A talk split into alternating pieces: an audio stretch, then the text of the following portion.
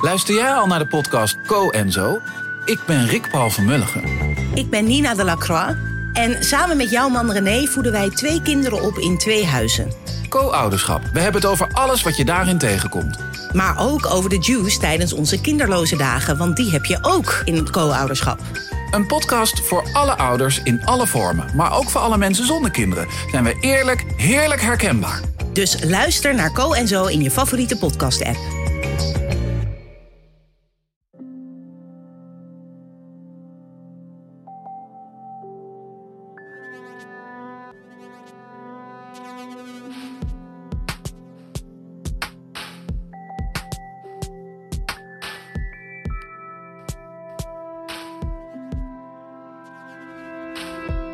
Hey, ik ben Pieter van Relaas.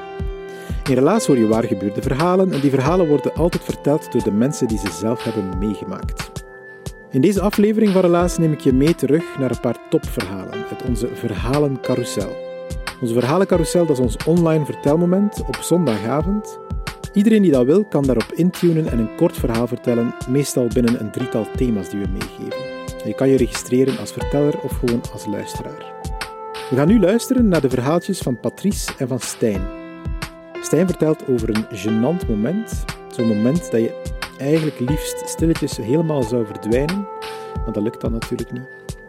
Maar als je er later op terugkijkt, dan kan je denken: hmm, daar heb ik toch wel een heel belangrijke les geleerd. Het is al een begin door het opnieuw te vertellen natuurlijk. Maar Patrice steekt de spits af. Het is een verhaal in het thema: Ik was op de verkeerde plaats op het verkeerde moment.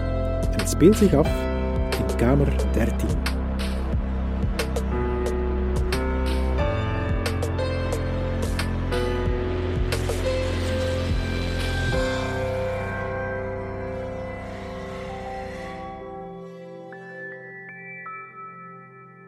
Ehm, het, eh, het is al van een tijdje terug. Wij zijn, eh, ik en mijn ex we zijn op vakantie in Frankrijk. En uh, ik kon nog niet goed rijden. En ik mocht ook niet rijden van mijn ex. Dus die was, uh. En we hadden zo'n afspraak dat we nooit twee keer dezelfde weg deden. Hè, dus dat we altijd, als we heen gingen, een andere weg uh, pakten dan als we teruggingen. Dus we zijn terug aan het rijden. Langs een hele andere weg. een beetje alleen Provist richting België. Eerst is dat heel tof. En dan komen wij in een heel desolate buurt. Met allemaal lege cafés. Lege fabrieken. Um, lege huizen. Uh, en direct begint moe te worden, die begint te zagen en van ja, maar ja, ik wil ik slapen, uh, maar er is niks, geen hotel, geen camping, niks. En eindelijk, na uh, een hele tijd rijden, zien we er een bende jongeren die er hangt. Hè, en ik er daar naartoe, ik is hier een hotel?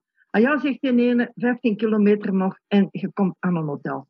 Een van die jongens zegt, noemde je dat een hotel? Hè? Maar goed, dat maakt er ons niet uit. Dirk, die wou slapen. Dus wij daar naartoe. Uh, dat was een café, restaurant, hotel. Um, en we moesten de, eigenlijk binnengaan langs het café. We vragen, is er een kamer vrij? Ah ja, zegt hij, natuurlijk uh, hier, uh, kamer 13. Ik had al even zoiets aan kamer 13. Ik zeg, is er een andere kamer vrij? Nee, nee, alles is bezet. En dat vond ik al heel raar, want al die sleutels hingen daar. Het was eigenlijk al laat, maar goed, wat. Um, we vroegen dan, kunnen we iets eten nog? Ja, zegt hij, wacht een minuutje. Die gooit iedereen die in die bar staat buiten, die doet die deur op slot. En uh, dan zegt hij, ja, um, eigenlijk hebben we niet veel, we hebben nog wat chips. Um, ik zeg, ja, maar dan gaan we, we hebben een frituur gepasseerd, we gaan daar. Nee, nee, zegt hij, ik maak krullen een entrecote met champignons. We worden naar een restaurant geleid, er zit een oude vrouw, die vliegt ook buiten. Die deur doet hij ook op slot. En wij krijgen daar inderdaad entrecote met champignons. Oké, um, we gaan naar boven. Je gooit zich direct in bed. Um, kan zich amper nog uitkleren van de vermoeidheid. Maar ik voel me heel ongemakkelijk in dat hotel. En um, ik blijf wakker. En het eerste wat ik doe, is die kleerkast schuiven voor de deur. En dan zie ik dat er achter die kleerkast ook een deur is. En ik doe die kleerkast open. En er is geen achterkant in die kleerkast. Dus uh, dat vond ik ook al vrij vies. En dan hoor ik ineens, er zijn zo planken vloer, hoor ik ineens heel luid praten. Um, en ik ga luisteren en ik hoor dat die man zegt uh, tegen die vrouw: Ja, maar je ziet dat toch, ze hebben geld, anders kunnen ze niet op vakantie gaan. En ik dacht, dat gaat toch precies over ons. En die vrouw zegt: Nou ja, we gaan het met die auto doen. Ja, maar ja, Jean-Paul gaat ervoor zorgen. En ik denk, verdorie, die zijn hier iets van plan met ons. Ik probeer Dirk wakker te krijgen, die is niet wakker te krijgen. Ik schud nog wat erger. Enfin, om een verlang verhaal kort te maken, op de deur staat hij op. En die zijn al vrij concreet in hun plannen hoe dat ze ons gaan verwoorden. Dus wij uh, schrikken heel hard. Uh, Dirk zegt, weet je waar? Ik zeg, nou, ga naar beneden. Ik zeg dat jij uh, een nieuwe crisis hebt. Die had dat al gehad, die beschreef wat dat was. Jij pakt ondertussen hier alle koffers. En ehm, als ik niet binnen vijf minuten naar boven ben, kom je naar beneden en ga laat zien dat jij een niercrisis hebt. Dus ik hoor beneden, ik kon niet meer heel goed verstaan. Ze hadden zich verplaatst. Um, maar die komt niet naar boven terug. Ik pak ondertussen alles zo rap mogelijk in. Ik ga naar beneden. Lekker als je beschreven had, helemaal krom. Die man daar, uh, die schiet in paniek. Die zegt, ja, maar ja, ik kan die verantwoordelijkheid niet nemen. Je is heel zat, hè. ik kan je verantwoordelijkheid niet nemen. En die begint in alles schuiven van een, soort toog, begint hij iets te zoeken. En ik denk, die is een pistool aan het zoeken of zo. Dus ik Dirk bij zijn arm. Ik had gezien dat er nog een deurtje was in de gang als ik naar beneden kwam. Ik denk, hopelijk is dat open. En uh, ja, wij lopen naar buiten. En uh, over een koer. En daar gelukkig was ook een deur en naar de auto. We rijden een stuk, denken wij natuurlijk ineens al ons valiezen en alles liggen er nog. Dus we moesten dan nog eens terug. En uh, Dirk is dan alleen binnengegaan. Ik dacht, ik zie die nooit meer terug. Die, nu, nu, nu gaat hij echt uh, doodgeschoten worden of zo. Maar enfin, die komt dan terug met die twee rugzakken. En die vertelt dat die er heel harde ruzie hadden. Dat die man, die vrouw verweet van, jij, dat is de ruzie dat die ontsnapt zijn en zo. En we zijn toen gereden, gereden, gereden. Dirk en zo moe was en die geen meter meer kon rijden, is duizend kilometer gereden tot helemaal aan de Belgische grens. En daar zijn we in een mottig hotel blijven slapen met zicht op de autostrade. Maar ik moet zeggen dat ik mij nog nooit zo gelukkig gevoeld heb in een hotel, gewoon met de gedachte dat ons leven gered was.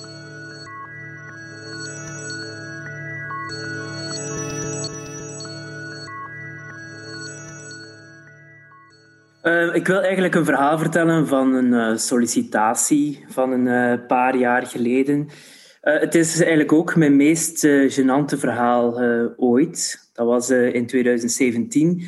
Ik werkte toen als nieuwslezer bij Q-Music. Dus ik las daar de nieuwsbulletins en deed de interviews, schreef de berichten enzovoort. Maar dat contract dat liep af, dus ik moest op zoek naar een nieuwe job. En ik had spontaan gesolliciteerd bij de VRT... En ik mocht uh, dan ook op gesprek op de nieuwsredactie van de VRT uh, bij het uh, Radio Nieuws. En dat was een heel warme dag, dat weet ik ook nog. ik had mij zo wat chiquer gekleed met een mooi hemdje aan voor een sollicitatie. Ik ging naar die nieuwsredactie. En ik weet niet of dat jullie daar al eens geweest zijn, maar dat is een één grote open ruimte eigenlijk. Een groot open kantoor met allemaal verschillende bureaus en een paar zijkamers. Uh, eerst hadden we dus een gesprek met die chef van het radionieuws. En dat gesprek dat verliep uh, allemaal goed. Daarna moest ik nog uh, een test doen. Moest ik dus een nieuwsbulletin inlezen in de studio van Radio 1. Helemaal aan de andere kant van die nieuwsredactie. Dus ik loop met die chef door die nieuwsredactie. En ik denk plots, tja, die airco staat hier wel heel straf in dat gebouw want ik voel uh, de wind precies door mijn kleren blazen. Maar ja, er is daar iemand uh, dat ik ken nog van vroeger van, uh, in mijn klas. Dus ik zwaai naar die persoon. Ah ja, werk je nu ook? ah ja, tof, leuke nieuwe job enzovoort. Maar toch opnieuw voel ik zo weer wind tot op mijn borst blazen. En ik zie nog een ex-collega en ik praat met die ex-collega. En ik zeg, ah tof, werk hier nu enzovoort. En denk, tja, die wind dat is, dat is niet normaal.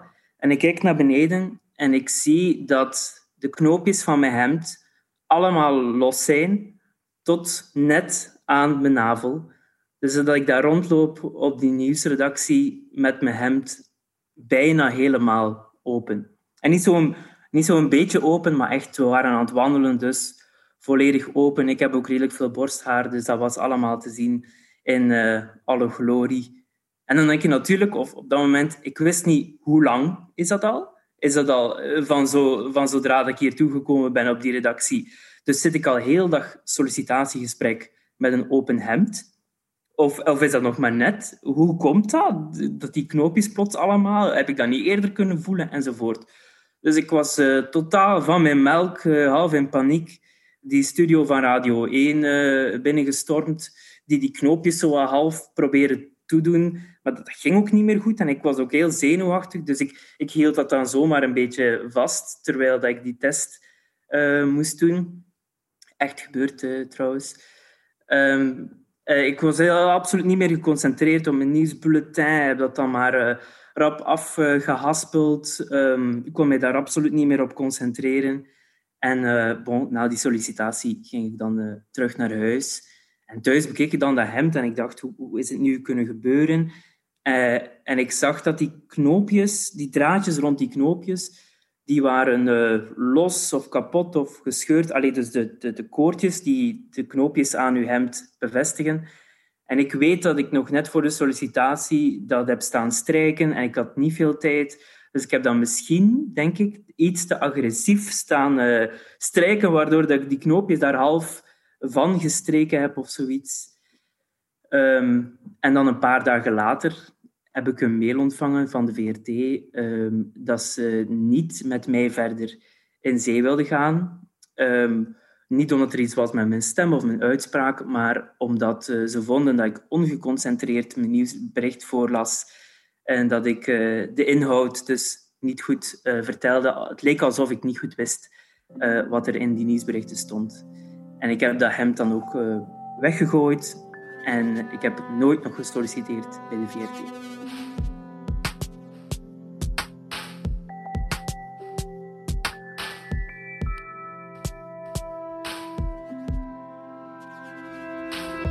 Dat was het relaas van Stijn en daarvoor dat van Patrice. Ze hebben het allebei verteld op een van onze relaasverhalen carousels. Het zijn online avonden waarbij iedereen die dat wil een verhaal kan vertellen. Een kort verhaal moet dat zijn van ongeveer vijf minuutjes voor een beperkt maar een heel actief en waarderend publiek. Alle lof gaat trouwens naar ons relaas-team. We zitten dan in Gent, in Antwerpen en in Brugge en daar zoeken we steeds naar verhalen. En we brengen die op een podium, een virtueel of een echt podium. Dus als jij een verhaal hebt, please deel het dan met ons via onze website. En wie weet nemen wij wel met jou contact op. De leukste verhalen uit onze verhalen carousel, die coachen we verder. Je krijgt dan een relaascoach aangewezen. En dat worden dan langere relazen van tussen de 8 en de 18 minuten. Je kan die dan live op een podium vertellen voor een publiek. Dankjewel aan de afdeling cultuur van de stad Gent en de afdeling cultuur ook van de Vlaamse gemeenschap. Jullie steunen ons zodat we onze live vertelmomenten kunnen organiseren. Maar als jij als luisteraar ook onze podcast een duwtje in de rug wil geven, dan kan dat ook. Dat kan door vriend van de show te worden. En op die manier steun je Relaas voor een paar euro per maand.